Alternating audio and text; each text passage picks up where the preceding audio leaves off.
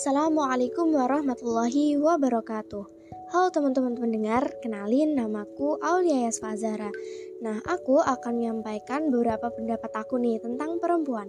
Ya, sesuai dengan tema keren kita pada podcast kali ini yaitu The Miracle of Muslimah in the World.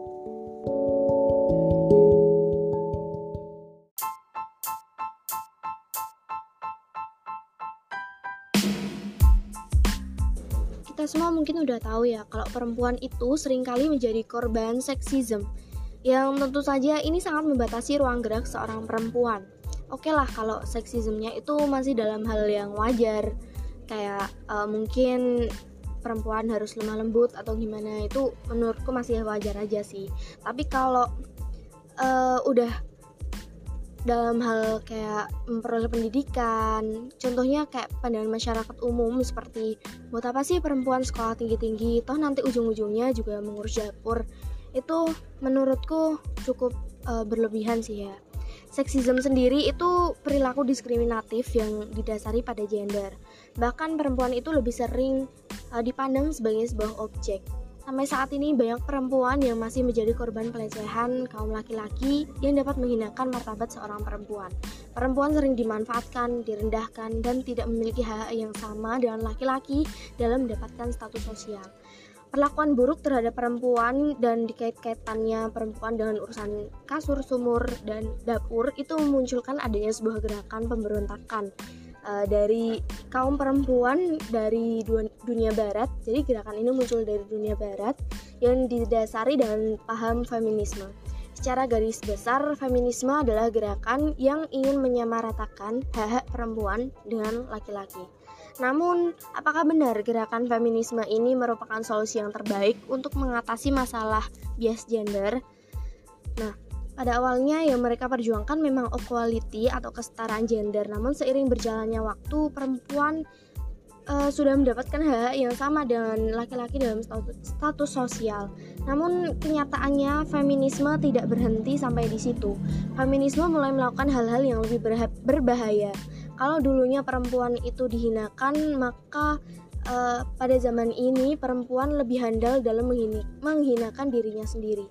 Contoh sederhananya, sederhananya mungkin dapat kita lihat dalam kehidupan sehari-hari dengan berjoget di depan kamera handphone dan membagikannya ke seluruh teman pengguna sosial, mereka tidak sadar kalau apa yang mereka lakukan itu adalah salah satu bentuk dari menghinakan dirinya sendiri, memamerkan tubuh dengan dalih sebagai bentuk uh, mencintai diri sendiri atau self love yang pada kenyataannya tetap saja akan dilihat oleh lawan jenisnya. Dan pertanyaannya adalah apakah dipandangi dengan cara seperti itu bukan termasuk pelecehan? Jadi, jangan jadikan feminisme itu sebagai uh, dalil sebagai kesetaraan gender.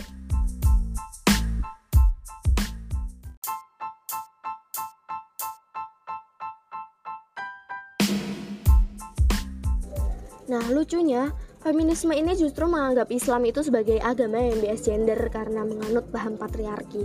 Paham patriarki sendiri adalah suatu paham di mana laki-laki itu lebih mendominasi di dalam kehidupan. Padahal kenyataannya di dalam Islam itu tidak ada yang namanya patriarki.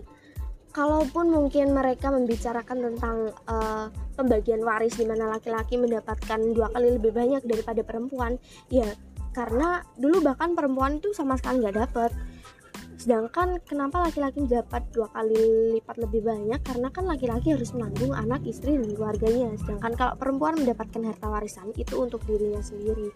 Termasuk perintah untuk menutup aurat dengan mengenakan jilbab. Itu adalah cara Islam memuliakan seorang wanita agar tidak sembarangan orang dapat memandangi perempuan dengan cara yang hina. Uh, adapun perihal larangan perempuan menjadi seorang pemimpin itu karena laki-laki dan perempuan itu berbeda. Laki-laki sangat rasional, sedangkan perempuan itu emosional yang memang diciptakan seperti itu agar kelak dapat mendidik anaknya dengan penuh kasih sayang. Bahkan Islam tidak melarang perempuan untuk bersekolah setinggi mungkin. Islam sendiri dengan jelas mewajibkan bagi muslimah untuk menuntut ilmu seperti di dalam sebuah hadis Tolabul ilmi faridotun ala kulli muslim wal muslimat. Menuntut ilmu itu wajib bagi muslim laki-laki dan muslim perempuan. Hadis riwayat Ibnu Majah. Setiap perempuan itu spesial dan berharga. Karena perempuan adalah madrasah pertama bagi anak-anaknya. Perempuan itu keren, sampai ada sebuah istilah bahwa mendidik seorang wanita itu sama dengan mendidik suatu peradaban. Karena dari seorang perempuan yang soleha akan lahir generasi-generasi yang baik pula. Bahkan uh, nama umat itu sendiri diambil dari nama Ummi yang berarti ibu.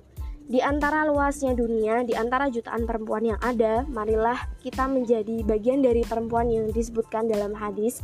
Dunia adalah perhiasan dan sebaik-baik perhiasan adalah wanita solihah. Sekian dari saya. Wassalamualaikum warahmatullahi wabarakatuh.